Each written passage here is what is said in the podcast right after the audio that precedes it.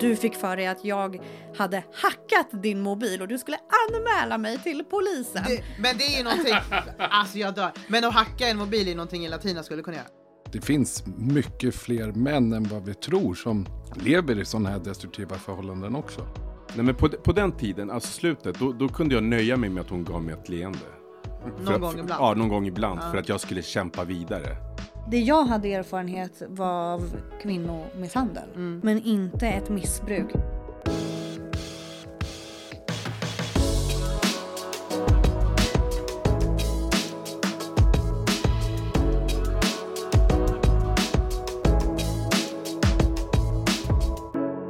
Hej och hjärtligt välkomna ska ni vara till Sexkartellen featuring Emily.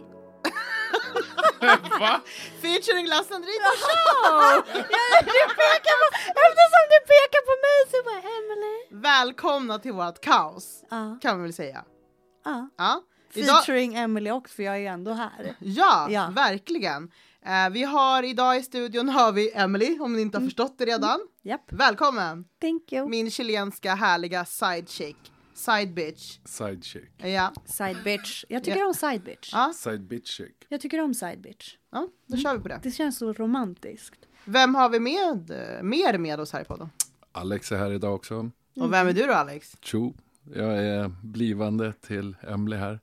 Ah, vad fint. älskling. Ja, och du sitter ju faktiskt och smeker hans eh, penis nu under bordet med dina fötter. och det är väldigt fint att vi får liksom Det- vara med här. Ja men det är romantiskt. Ja. Och sen har vi vår fantastiska, härliga och vårt nya stjärnskott i podden. Vem är det? Daniel. Ja, vi har våran Latin lover, Aka Champedro. Daniel, singel, lång, stor, ståtlig, Fix. solkysst. Solkysst. Fixade precis ett ligg. Via Sandra. Via Sandra. En riktig broder. Ja. Herregud. alltså. Nej men eh, skämt åsido, ha- Räddade hela lördagen där. vi har, det, han är halv argentinare, halv chilenare ska också nämnas. Yes. Och som sagt vi försöker få honom att eh, gå på dejt här i- live i podden. Ja. Mm. Vi försöker ju bara hjälpa dig. Ja. Kanske ska ha blind dates här. Det är det vi har, det är ju vi därför vi har pimpat du, ut. du har ingen koll på Nej, ja. Det där, det, där, det där får ni prata om sen. Alltså det, jag känner att det är kul att det börjar med liksom skratt och, liksom, och, och, och, och hög energi. För vi har ju faktiskt spelat in ett avsnitt innan det här avsnittet där det var väldigt högt och lågt. Ja. eh, där vi pratade om fuckboys. Eh, men idag ska vi fortsätta prata om eh, destruktiva, dysfunktionella, osunda och dåliga relationer. Yes. Ja. Och då har ju ni som lyssnat på avsnitt två tidigare fått höra en liten bråkdel av Emily och Alex story. Ehm, de har alltså hängt med varandra sedan 2016. Det har varit eh, topp i början, det blev dal därför att Alex började då eh, missbruka droger. Och det här ska vi prata lite mer om, eh, vad det var som hände. Eh, sen Daniel är också med idag för att han har erfarenheter av en relation i tre år också som inte var speciellt sund. Eh, och där det är viktigt också att vi pratar om det ur, ur en mans perspektiv. För att många tjejer som skriver till mig, det är mycket tjejer som skriver, så handlar det om att man lever kanske i destruktiva relationer med psykisk ohälsa, det är liksom män som är våldsamma och det är oftast tjejer som vågar stå upp för det.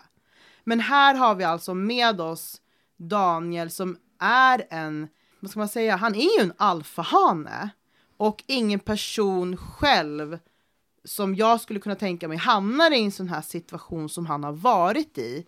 Om du bara ska berätta lite kort, vi kommer gå in på det, men den här relationen kortfattat om du ska förklara den i, i tre års tid, vad skulle du säga då?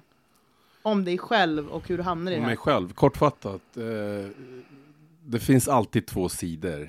Skulle man prata med henne kanske man, hon skulle självklart säga någonting annat. Men från min sida så var det så att eh, jag, eh, första tiden som vi var tillsammans var helt underbar enligt mig. Sen hände det någonting som gjorde att jag ansåg att hon förändrades rent personlighetsmässigt. Och jag försökte bara hitta tillbaka till där vi var den första tiden. Och jag gjorde allt för att komma dit. Men, och, och, när jag märkte att det inte gick, då blev jag mer och mer desperat liksom. Och jag eh, tappade självrespekten för mig själv. Och alltså det var, ja, det gick väldigt långt. Du gjorde revolt på dig själv kan Ja, man säga. jag, folk kände inte ens igen mig när de såg mig på stan liksom. Nej, för du, vi pratade lite grann om, om det, eh, inte när vi spelade in, men förra veckan så pratade vi om att du sa så här, jag har alltid själv haft så svårt att se hur tjejer kan hamna i sådana här situationer med män som är liksom osunda för en så att säga. Tills du själv hamnade där. Mm. Ja, nej, jag, jag kan förstå dem till 100 procent. Alltså det här är en process liksom som man går igenom. Det händer inte över en natt. Det är inte så att man får en örfil och, och så eh, väljer man att stanna eller gå. Utan det sker successivt. Den här, uh, Upptrappningen. ja, eller nedbrytningen eller vad man ska kalla det Mm. för. Men du skulle kunna säga liksom att efter de här tre åren, och, och vi ska gå in på mer detaljerat snart, men så var du liksom nedbruten. Jag var helt trasig.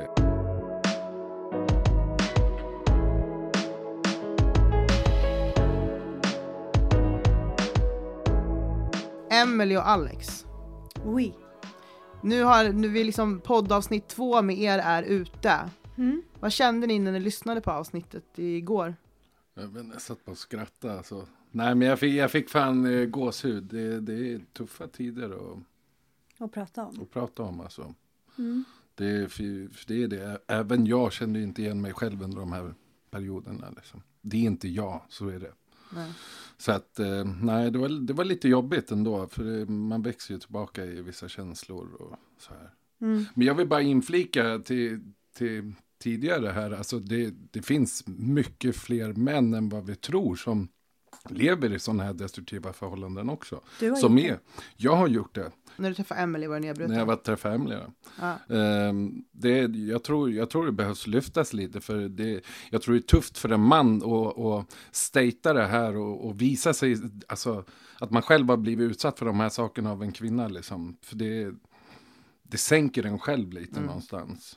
ja, det är det jag menar och det är därför jag tycker att det är viktigt att vi kommer alltid i den här podden att liksom hylla, hylla kvinnor, stötta kvinnor, eh, även också säga när vi tycker att kvinnor gör fel, men, men, men och, och också liksom föra talan för kvinnor som råkar ut för, för våld i hemmet eh, på olika sätt.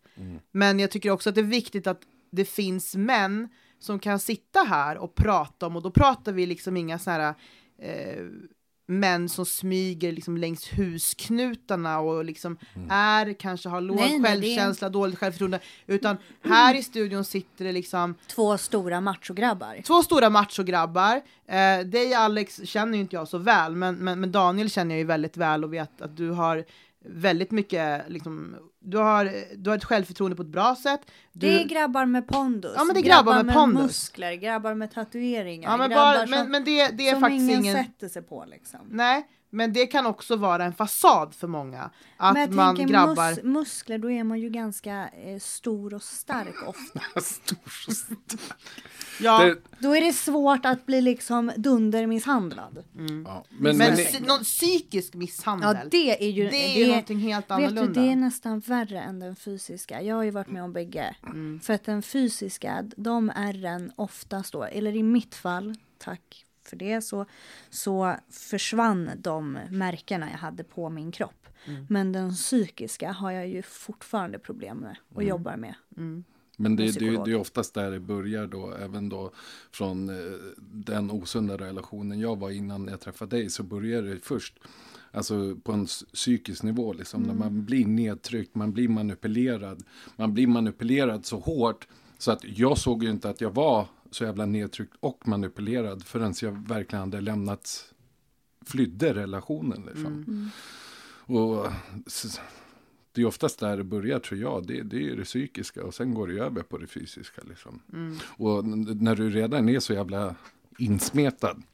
Ja, det blir ju normaliserat. Ja, Så då, då, då blir det sen en, en normal grej i livet. Liksom. Mm. Ett inslag i livet som bara finns.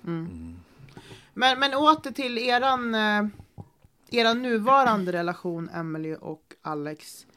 Eh, och det kaoset som ni levde i. Finns det någonting, eh, det finns ju givetvis jättemycket, men jag tror att i, i första, eller andra avsnittet där, där eh, lyssnarna fick eh, höra er för första gången så finns det säkert väldigt många kvinnor och män som känner igen sig i, i er situation. Ni valde ju, liksom, ni har ju kommit dit ni är idag. Och liksom, vi avslutade ju avsnitt två med att det var kaos.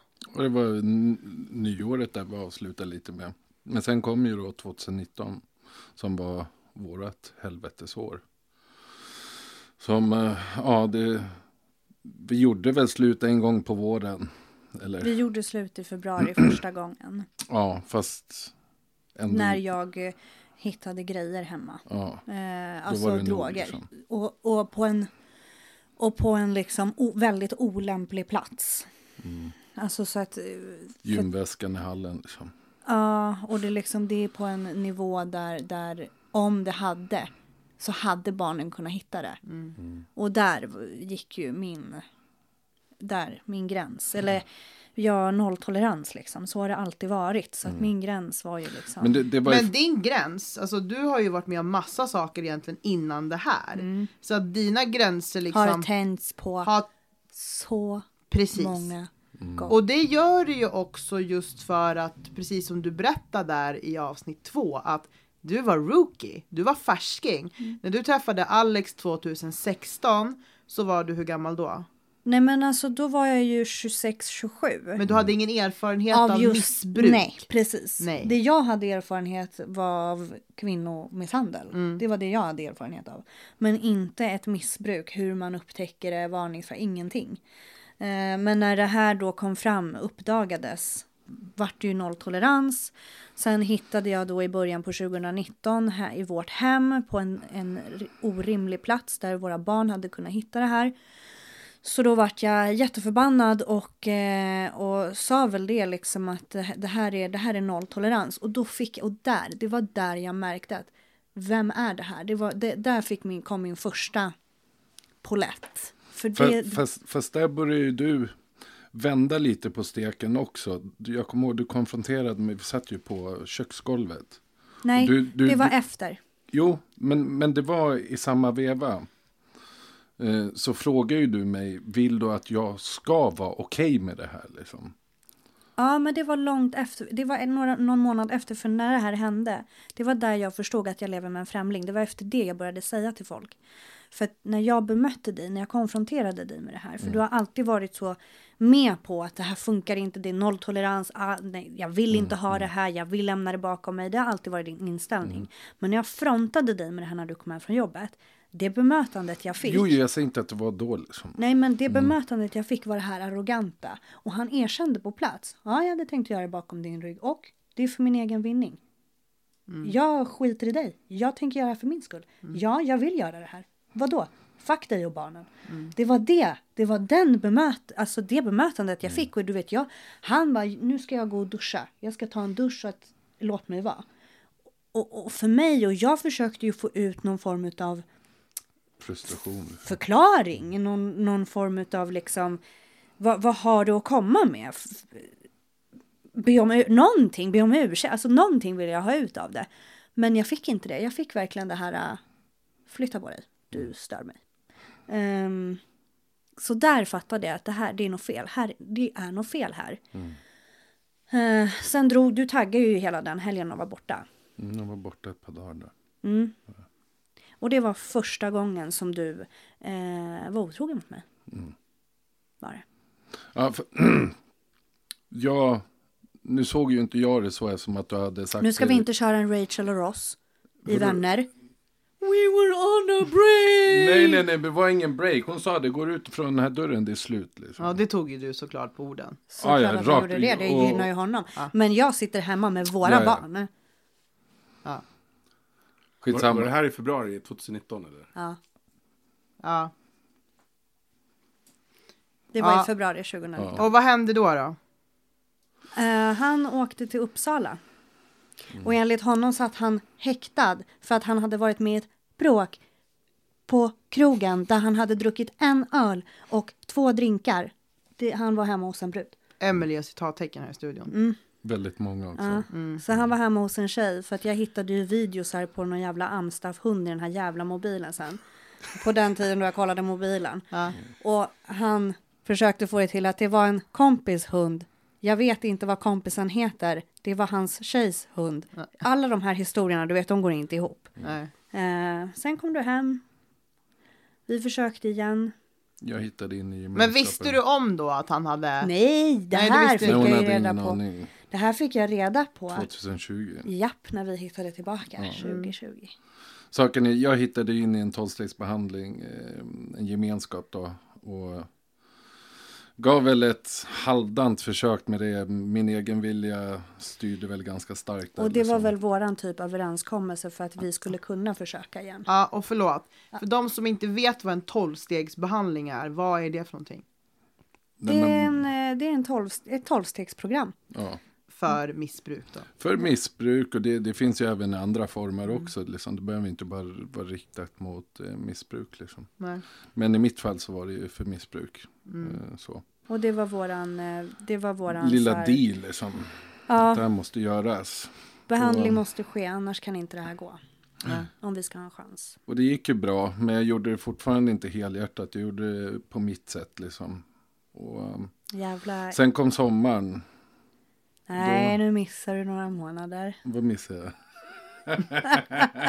Jag och Daniel sitter rätt i skottlinjen här.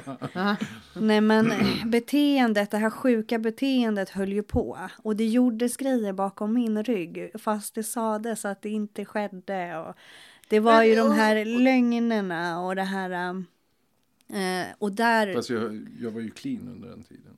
under den tiden ja. Och jag Men- undrar så här, när du gör grejer bakom hennes rygg då, då liksom, Jag menar lögner. Ja, vad är det för beteende? Alltså vad kommer det ifrån? Alltså, Ja, det är ju från beroendesjukdomen rakt igenom liksom. Det, men mycket skam också, eh, tror jag. Just där, någonstans vet ju att ärligheten varar längst liksom. Och även om eh, ärligheten kan krossa, alltså krossa så, så gör det mer nytta än och, själva lögnen liksom. Så är det ju. Men, men ja, man skäms nog. Jag tror det är där skammen, där skammen ligger liksom. Det gör att man väljer att gå bakom ryggen liksom. mm. Faktiskt. Mm. Och sen kom, ehm, vi försökte ju reparera det där, vi försökte, vi försökte, vi försökte. Vi försökte parterapi, Mm. gjorde vi. Gick några gånger. Kände väl att ja, men det här kanske kan gå ändå. Fan helvete. Sen kom midsommar 2019.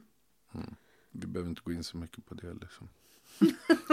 nej, nej, men vadå? Alltså, det, det, det var en konflikt mellan dig och mig. Det, Ja, det var en det var konflikt. varken på den ena eller Nej, den nej, andra. men- liksom, Men det var en konflikt mellan dig och mig och då som ledde till en satte- separation. Nej men då satte, det nämnde jag förra veckan. Det kommer komma i avsnittet där att då eh, användes Instagram Mm. som det här verktyg, som Tinder Mm. eh, gjorde det. Alltså, så, i, vi hade en konflikt och istället för att reda ut den då så valde han att börja skriva till andra brudar. Liksom. Mm. Vad är det som gör för dig när du säger så här, och som sagt man behöver inte gå in på allting här, men vad är det som gör för dig att du känner att du inte vill gå in på allting? Är det för jobbigt att prata om? Nej, Eller nej, nej att- absolut inte. Jag, jag kan gå in på det, utan jag- jag blir anklagad lite lätt om att det ska ha skett någonting mellan, eller om jag och min halvsyster har gjort någonting. Mm. Och jag, det där jag sned ut på, jag skevade ut totalt på, att- att den frågan ens hamnar i mitt knä, Mm. då, då kände jag, då, då finns det fan ingenting. Det, det är jag som har bränt alla broar, det är jag som har tagit ner alla pelare, jag förstår det, jag köper det till 100%. Men fråga inte mig om jag har gjort någonting med min halvsyrra. Eller Är det en halvsyrra som är blodslig eller? Nej. Nej, utan eh, hon, mina föräldrar be, bedriver familjehem liksom. Mm. Så hon, eh, hon kom från ett utslussboende och sen, eller hon satt inne och så bod, bodde hon hos farsan på ett som Mm. utslussboende liksom. I ett Och, par år. I ett par år, men hon valde att bo kvar sen också i deras lägenhet efteråt. Liksom. Så hon är än idag en del av familjen Mm. på så sätt. Och vi ser verkligen henne som en syster. Men det tog fett hårt för mig. Men det var ju för att det var en händelse som utspelade sig som jag eh, hajade till på. Men som sagt, Ja. det, det, det, Men det också hon och vara- jag har jättefin kontakt idag. Mm. Eh, jag tror att jag har mer kontakt med henne än vad du har. Det tror jag också. Eh, hon är jättemysig och jag har alltid tyckt om henne jättemycket. Vi har alltid pratat väldigt gladeligt. Så att det, var, det var bara att jag ställde frågan och han sned. Men jag tror ju också att när man hamnar i en sån situation som du har hamnat i Emily där man blir utsatt för lögner, svek och alla de här grejerna så, så kan man ju också till slut så liksom blir man ju... Det finns inga gränser. Nej, det finns inga gränser. Mm. Man, man börjar ju liksom tro allt möjligt och, och liksom tänka allt möjligt. Mm. Vilket man kanske inte hade tänkt om ni två hade haft en sund relation. Mm. Eh, så det, det finns ju liksom... Men, men Förklaringen. efter, efter, efter den eh, midsommarhelgen så var det väl lite, det var breaken för mig. Jag kände att det, det kommer inte komma längre än så här. Vi kommer inte kunna reparera det liksom. Eller att det är för jobbigt för att reparera, jag vet inte. Nej, vi försökte. För vi var ändå, eh, i alla fall ett par veckor till så försökte vi. Men du hade ju då, märkte jag ju, din telefon låg ju absolut inte framme. Det, hans, det, var, en helt an, det var ett helt annat beteende. Och det var liksom telefonen 24-7 och den skulle absolut ligga med fa- face down på bordet och tas med överallt. Och väldigt defensiv i varenda, alltså aggressiv, defensiv. Det är bara raptusutbrott på raptusutbrott när jag frågar, när jag ställde någon fråga, när jag försökte konfrontera. Och sen så skulle vi då bli särbo. Eh, det var ju bara för att du ville ha utrymme och kunna göra vad fan du ville liksom. så sagt och gjort, vi blev särbo. Men ni var fortfarande tillsammans och så? Exakt, Ja. men det var ju bara, och det var ju då jag upptäckte att han, Vad var det, två veckor? ja, för att då ringde jag dig och sa att du och jag, det är klart här liksom. Och då fick jag ju höra att jag minsann var en bla bla bla, pip pip pip. Och då, och, men under den här tiden så, vi var ju inte särbo. Då, var, då gick ju han in i sin fuckboy-era. Fast För att- det, det visste ju inte du då, utan det är också någonting som har kommit fram 2020. Liksom. Nej älskling, för det var jag som hade din telefon. Så din iCloud uppdaterades. Ja, ja. det, var ju så det, det var ju så jag fick reda på, det var ju därför jag ringde dig. Och du fick för dig att jag hade hackat din mobil och du skulle anmäla mig till polisen. Det, men det är ju någonting, alltså jag dör. Men att hacka en mobil är någonting Latina skulle kunna göra. Absolut. Ja, 100%. Men och tror du, jag är ju inte Men- dum men- så jag låter ju honom tro på det. Jag spelar ju vidare på det. Jag bara ah, absolut, jag har haft någon som har hackat din telefon. Och han bara där jag ska anmäla dig till polisen din jävla hora. Jag bara ja men gör det då, det då. Hon, Du- hon hade inte hackat den, hon hade bara stulit min reservtelefon. Stulit den, jag fick låna den för att min Din gick sönder. Nej, nej. Jag fick låna den för, att min, för att min telefon hade gått sönder. Och jag hade kvar den. Och mycket lägligt så bara, men jag bara hade en känsla. För att han försvann, han ghostade, vi sågs inte, han svarade inte, han ringde inte. Han ville ju bara ha utrymme för att ta hem brudar och göra vad fan han ville. Och det var ju det han gjorde. Och så ser jag ju på den här jävla mobilen, för att iCloud existerar 2020, att det laddas ju upp bilder och skit och videos. Ja, Är du dum? ja. Ja. Du har hackat min mobil. Okej. Ja, så att eh, då spårade det ju. För Ja. då, då, och då var det ju jätteinfekterat. Och jäklar vad du skrek. Jag, jag, jag, jag kunde hålla mobilen så här en meter från örat. Och folk var mer mig och typ de bara oj, inte på högtalare. Utan bara hålla den. Och alla kunde höra vad han sa. Eller vad han skrek. Ehm, för han var så förbannad. Och så brukade jag klicka. När jag var klar. Eller när jag tröttnade. Ringde han upp, skrek. Så började jag klicka igen. Så ringde han upp. Jag kan inte skrek. se mig dig eh, så arg Alex. Jo då. Han är som en nallebjörn. Ja, Ja. när han är sig själv. Inte i sitt sjuka. Nej. Eh, så höll vi på och då så bröt vi helt. Jag kände att du får leva lycklig alla dina dagar med din nya tjej.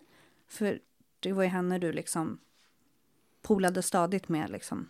Det var ju hon som var den nya liksom. Så jag klev åt sidan och levde mitt bästa liv enligt mig. Eller jag hade jättejobbiga tre veckor f- först. Nej, två veckor. Jättejobbiga veckor. Eh, Men då hade jag mina vänner vid min sida som aldrig förr. Så det är jag jättetacksam över. Och så hör du av dig som en blixt från klar himmel. Här tror jag att jag är safe nu liksom. Ja. Kommer han där, hör av sig. Och du faller ner Och igen. inte alls ly- lycklig, Nej. säger han liksom. Jag, jag mår inte alls bra. Inte alls lycklig. Men då hade jag väl klivit på igen också. Ja, och så sitter jag på andra sidan och bara, men jag trodde ju att du var lycklig. Kan inte du bara gå till din tjej? Så kan hon göra dig lycklig. Ja. Eh, För jag, min stolthet var ju sargad. Men hur länge har ni varit ifrån varandra då? då? Ja, Kan det vara? Tre veckor, fyra Ja, veckor. några veckor. Och jag klev, jag klev Nej. ganska snabbt på ett, Exakt. eh, ett återfall liksom. Mm, det visste ju inte jag i och för sig. Nej. Som höll, höll i sig då till 3, 3 januari 2020. Så han höll på hela, hela hösten, vintern Mm. liksom. Och var en fuckboy? Och var en fuckboy Och missbruka. Och missbruka. Jag gick på ungefär 5-6 olika substanser varje dag. Alltså. Och till slut så gick det ju över en gräns. Jag mådde så jävla dåligt. Jag Och hade... mådde så dåligt över, alltså jag var en riktig gris. Jag var smuts liksom. Mm. Fan, vad, vad håller jag på med? Ångest på ångest av Ja, olika ånge- typer av ångest. Exakt, exakt. Och det, det blev för mycket och jag, jag bara kände att fan alltså, de runt omkring mig, om inte henne framförallt, förtjänar lite lugn och ro. Mm. Och jag vill också ha lugn och ro. Då sista utvägen för mig, det var att försöka på ett suicidförsök. Liksom. Självmordsförsök alltså. Ett självmordsförsök, ja. Mm. Ehm, Men ville du ha liksom uppmärksamhet eller kände du på riktigt nej, där nej, och då nej. att du ville jag, dö? Nej, jag ville dö. Ja. Jag, jag försökte hänga mig själv och, och snaran, jag hängde med en basketkorg, var det att jag, jag väger kanske väl lite för mycket. Och den här sna- Förlåt att jag Nej men alltså. Nej men. Det är eh, så ja, allvarligt och vi bara skrattar. Skitsamma, efter x antal, jag vet inte hur länge, det kändes som en livstid men Fast det var snaran som gick av då. ja, Mm. snaran gick av. ehm, och jag känner ju, jag börjar nudda marken med tårna liksom. Ja. Och sen kommer snuten. Ja, Det var jag som skickade dit. Timma därpå eller något. Jag, jag, jag ville ju att hon skulle hitta mig. Mm. Jag vet inte, det var, det, det var så här min sista äckliga tanke. Det är en ganska äcklig tanke. Ja, det- Han ville, det- han var så, som, som, som din mamma sa till mig när de tog in dig Mm. till Sankt Görans. Det var ju att hon sa det liksom. Emelie, det är någon fruktansvärd skev hatkärlek han har till dig. Mm. För att det enda mantrat han sitter och säger där inne det är att jag har förstört det med henne. Jag, har- jag har förlorat henne, jag har förlorat henne, jag har förlorat henne. Jag, jag har förstört det, jag har förstört det. Eh, men samtidigt så var han i det här att han hatade mig. Han Mm. hatade mig och ville att jag, det sista han skulle göra mot mig var så att hon ska hitta mig. Men varför kände du då, då att du ville alltså, att Emily skulle hitta dig? Jag kan nog inte riktigt svara på det. Alltså. Nej. Faktiskt. Det, det är mycket som inte jag kan svara på som skedde under de där sista månaderna. Liksom. Mm.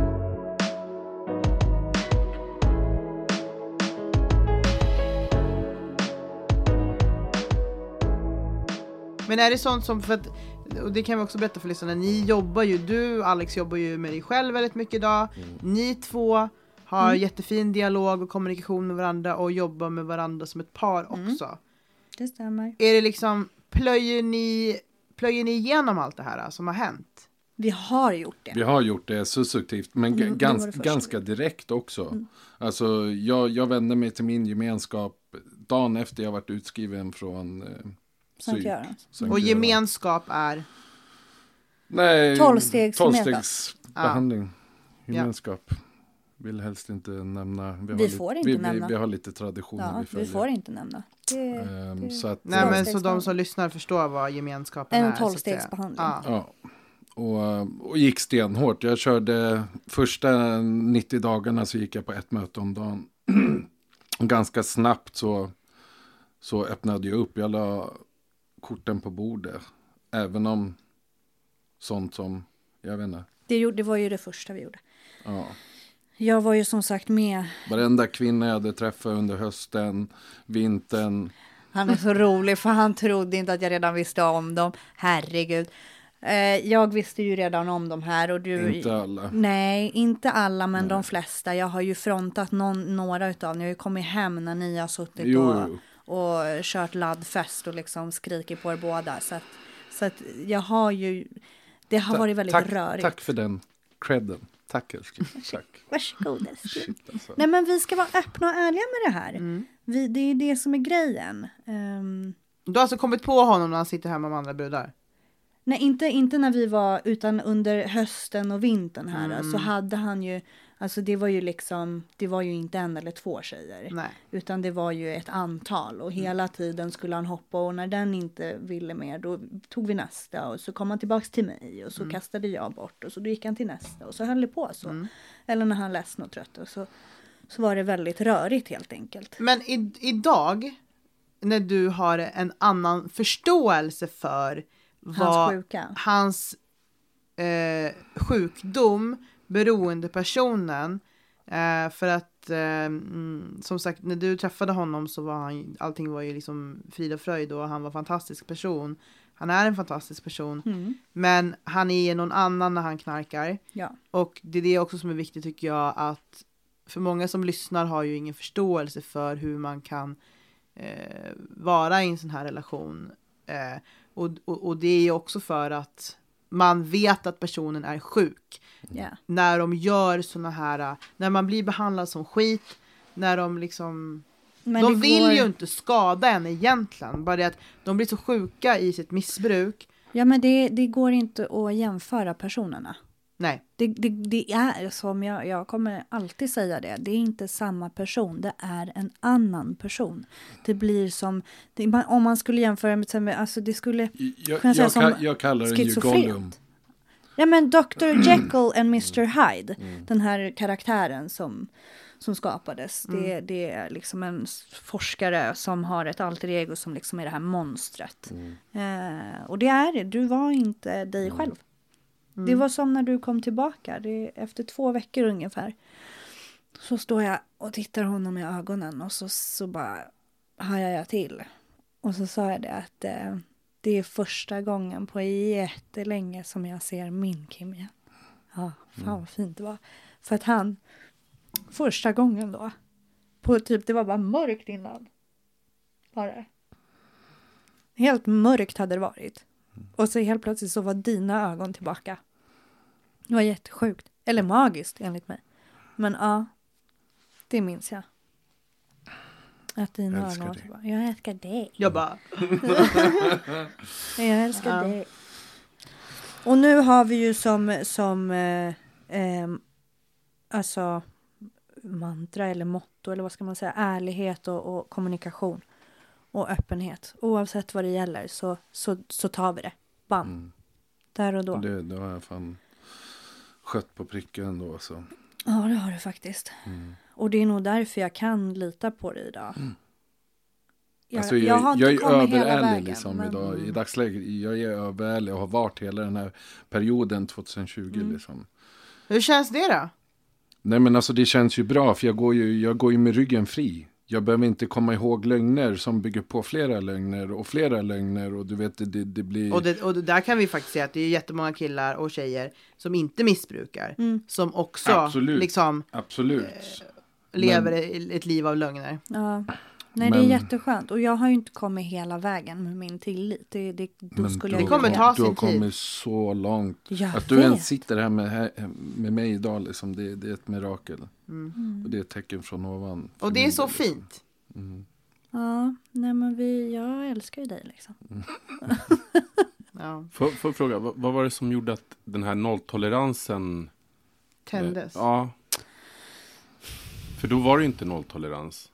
Eh, alltså, eh, menar du nolltolerans eh, i att jag gick tillbaka till Ja, att honom? du förlät och gick Nej men tillbaka. alltså alla de här stegen som hände. Det var ju nolltolerans tiden- från början och sen har det ju hänt massa grejer efter. Ja, noll, Hade du haft nolltolerans så hade jag det ju am- lämnat ja, där. Det, jag tror att det var så här att jag fick reda på återfallen när vi hade varit tillsammans ett bra tag. Eh, så att då var jag ju väldigt kär och älskade den här personen. Så att min då nolltolerans blev att men du får inte, nu okej det här hände men det får inte hända igen. Nej. Så blev det. Och så fick jag reda på ett nytt återfall. Ja, nej men alltså nej, inte igen. Och så sådär. Men, i Men vi kan dags- väl säga att du hade inga gränser. Alltså, Nej, no- jag vart no- ju no- gränslös. Ja, no, nolltoleransen var ju ett skitsnack liksom. En jävla enabler, var, en medberoende. Mm. Och det är det jag gör nu också. Jag går ju i en egen gemenskap för medberoende. Eh, och har gjort nu under ett tag. Eller sen några år tillbaka tänkte jag säga. Men, men eh, i, i dagsläget så har vi ju nolltolerans att det förekommer inga droger helt enkelt. Men däremot har jag ju sagt till dig, ja vet jag, visst har jag det, att jag tror att skulle han ta ett återfall idag, jag skulle inte lämna honom.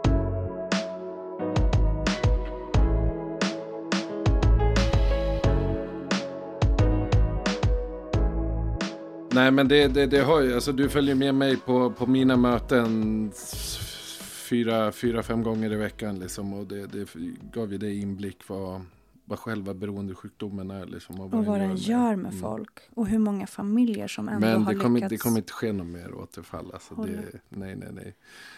Det Ass- känns jättelångt bort faktiskt. Ja, men det, nej, men det är jättelångt bort. Eh, Jag såg ju mitt suicidförsök, att det misslyckades. Det såg jag som ett tecken från Gud. Liksom. Det, det, det är inte ämnat. Så är det.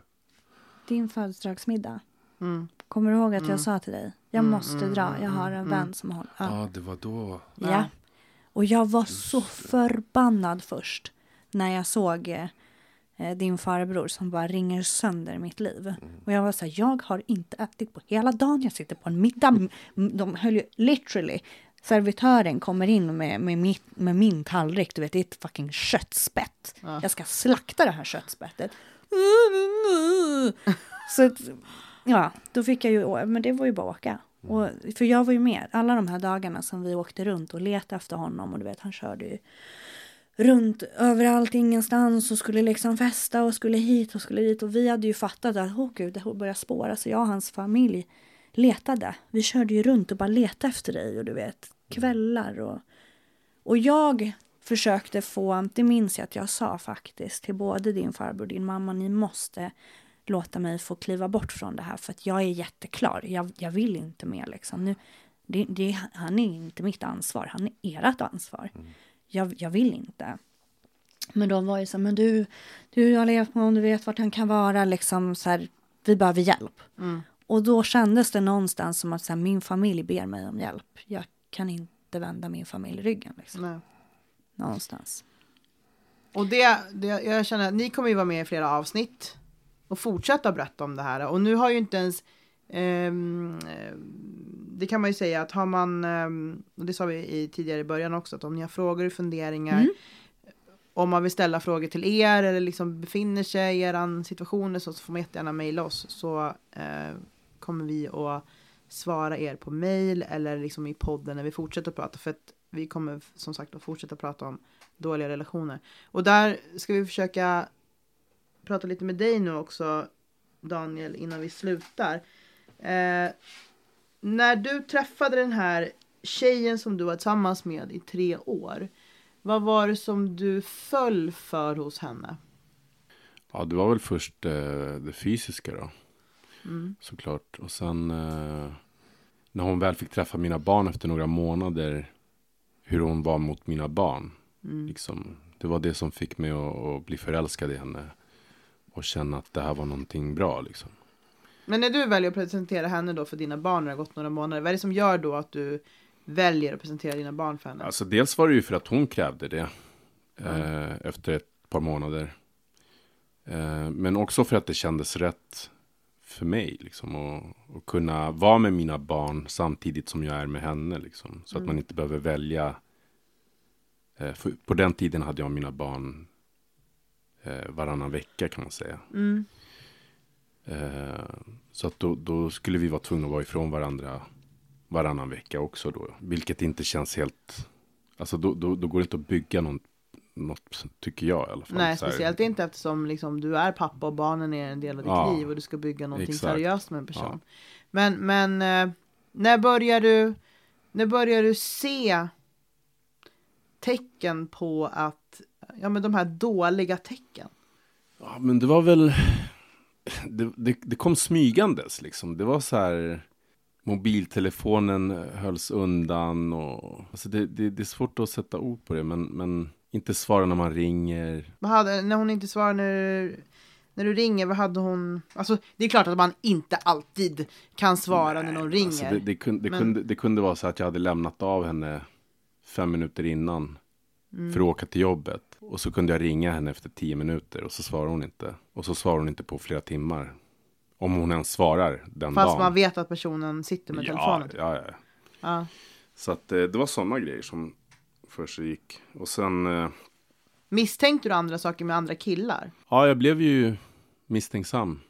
Det hände ju massa grejer. Alltså det, det, det är en lång historia. Men Ta några exempel. Exempel. Hon kunde börja följa killar som inte var kändisar. Mm.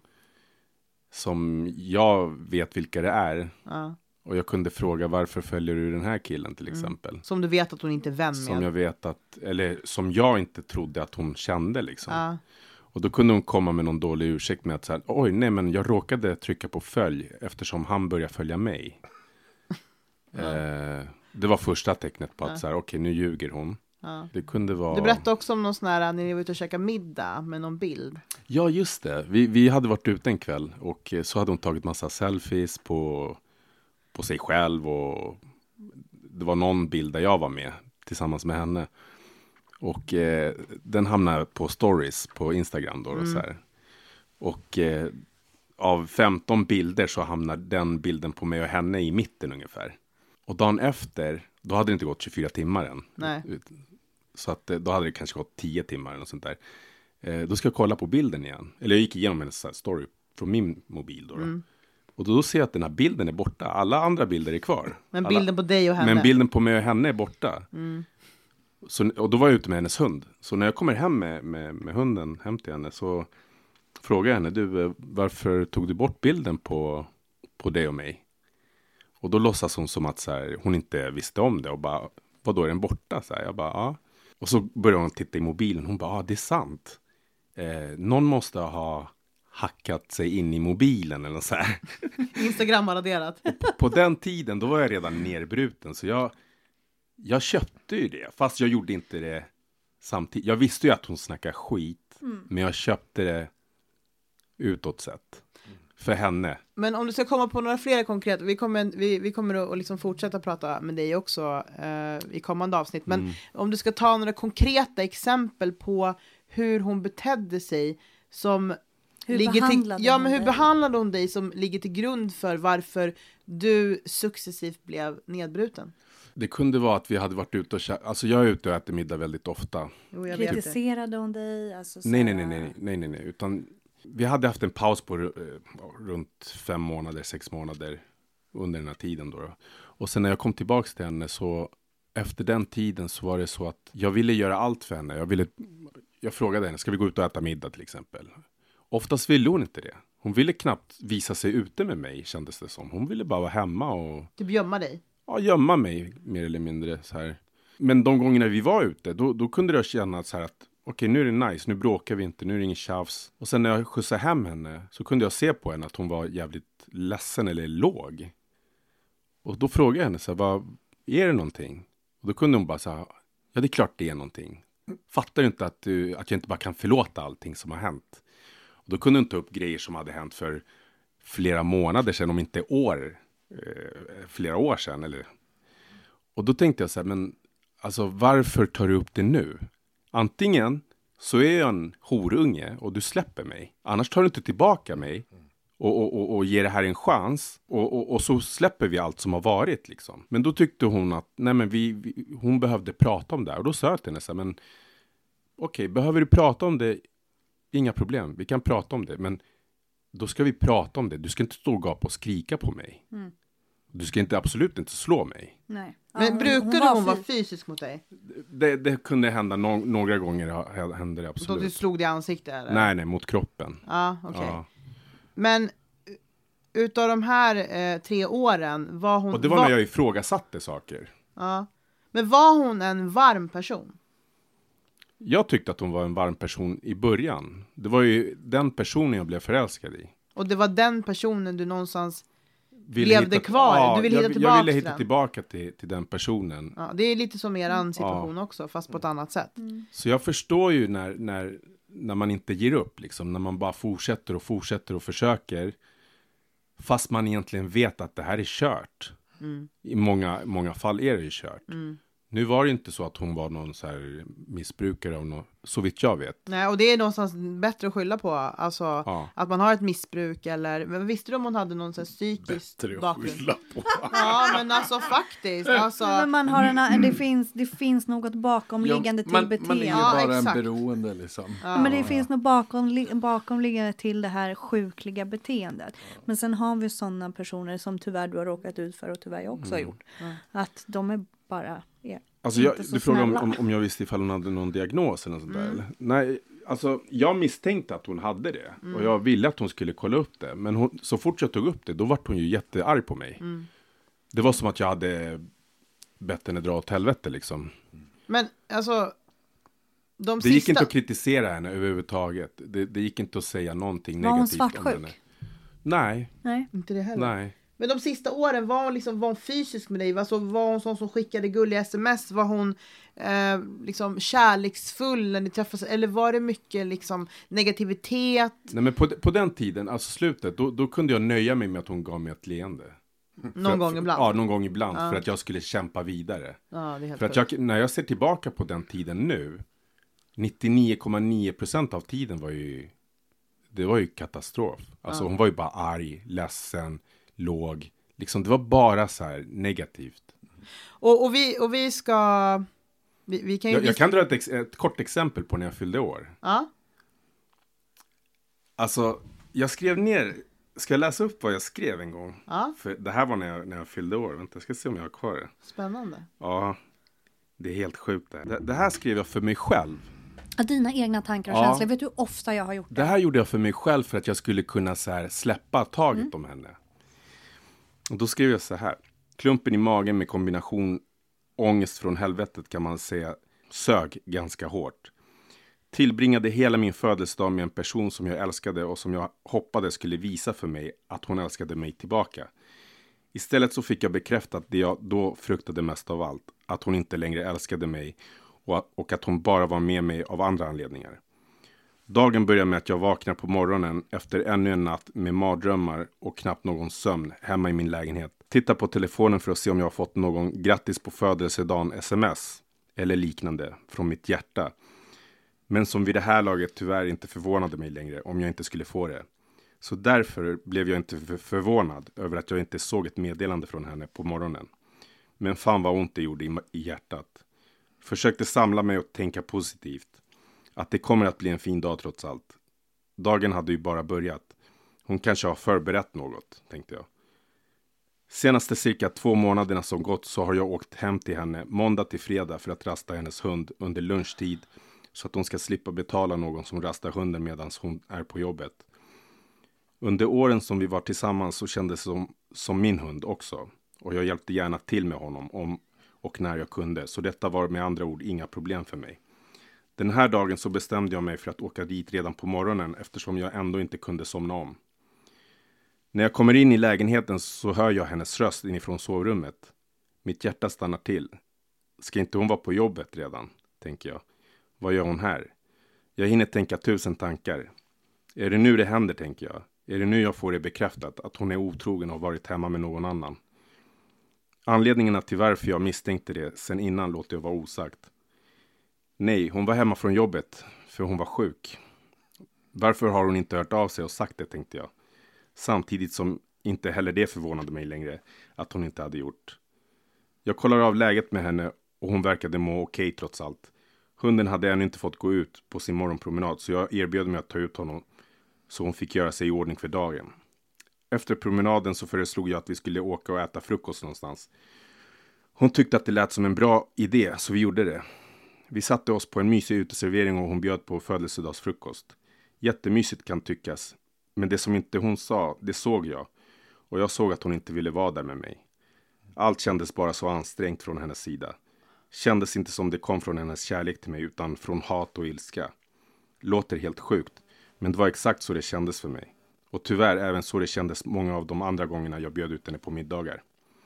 Hon hade, hon hade någon vecka innan min födelsedag frågat mig om vad jag önskade mig i present. Jag svarade som jag alltid gör, att jag inte önskar mig något. Bara kärlek och harmoni brukade jag säga och le. Då hade hon svarat mig att hon hittar på något ändå.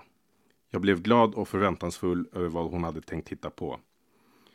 Efter frukosten så säger hon att hon inte har köpt något till mig eftersom jag inte har önskat mig något. Men att vi kan åka in till stan så, så jag får välja ut något jag vill ha. Då svarade jag att det inte gjorde något, men att jag trodde att hon skulle hitta på något eftersom hon hade sagt att hon då skulle göra det. Men då gör jag det, säger hon. Jag blev så besviken på svaret, men höll det för mig själv. Ville verkligen aldrig tjafsa och absolut inte idag. Hon hade verkligen bokstavligt talat inte förberett, planerat eller ens brytt sig om att det var min födelsedag.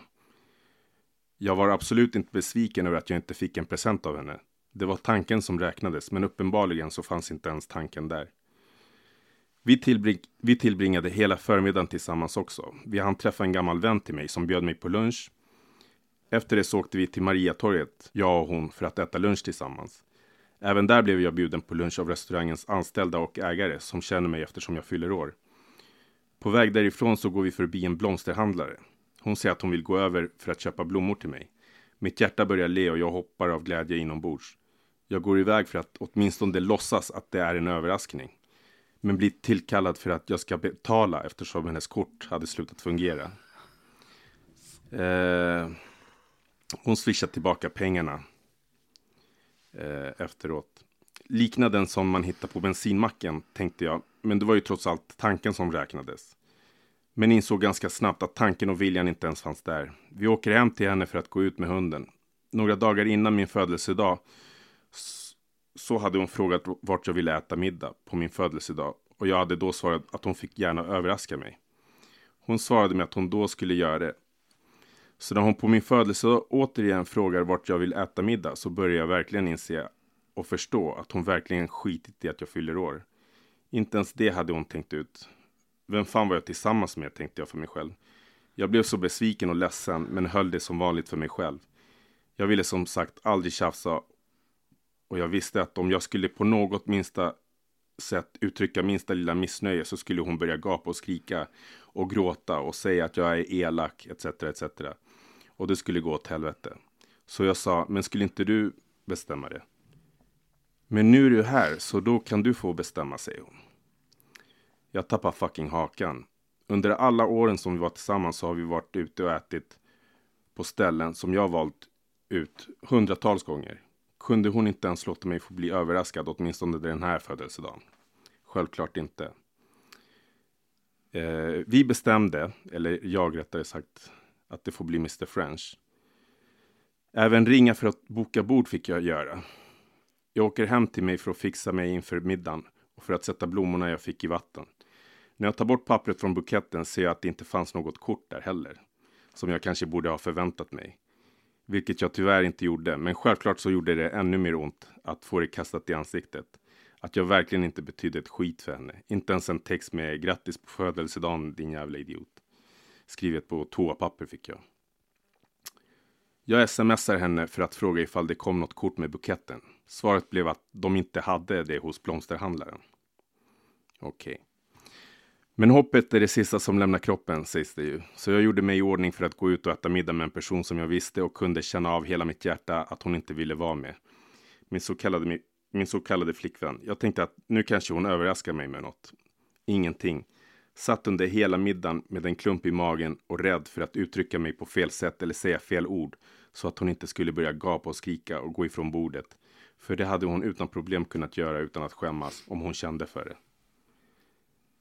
Ja, det var det jag skrev för att... Så jäkla Alltså jag har typ suttit här och typ varit arg, typ gråtit, tårarna har runnit. Och... Sen ska jag bara säga att så här, eh, det var på min själva födelsedag. Det var en vardag. Eh, vi skulle fira min födelsedag en lördag. Och vi hade bokat bord en fredag. Eh, vad hon väljer att göra då, det är att gå och träffa sitt ex. Eller sitt, gammalt, sitt, sitt gamla knull istället. Ja, och för, jag... att, för att vara med mig på min födelsedag. Snälla. Vet ni vad? Och det var, det var droppen som, alltså Ja, jag, jag fällde inte ja, ens en tår när hon gjorde det. 100%. Jag, jag bara släppte det då. Och det här ska vi fortsätta prata om också. Men jag måste tacka er för att ni kom. Därför att nu ska andra in i den här studion och jag vill prata om så mycket mer efter det här. Så vi måste liksom prata ihop oss när vi avslutar den här inspelningen. Ja, men, Men- de, de får vänta någon minut. Nu Jag, avslutar vi det här Ja. snyggt. Alltså beklagar verkligen. Jag bara Verkligen. tänker på din födelsedag, hur, vad jag. Alltså, nej, för fan. Usch. och jag tycker att det är viktigt att vi fortsätter sen också berätta om vad som hände sen, alltså hur dåligt du har mått över det här liksom, och, och prata lite mera om för nu har vi, prat, nu har vi liksom lyft det här, men att du också nästa gång när vi pratar om det här kommer på lite mer också faktiska grejer som har hänt under tiden ni var tillsammans. Som har liksom vuxit fram. Men jag vill tacka er från mitt hjärta eh, att ni kom. Tack. Tack för att Tack du själv. komma. Och eh, Vi ses nästa fredag. Vi ses nästa fredag. puss och kram. Puss och kram skumbanan.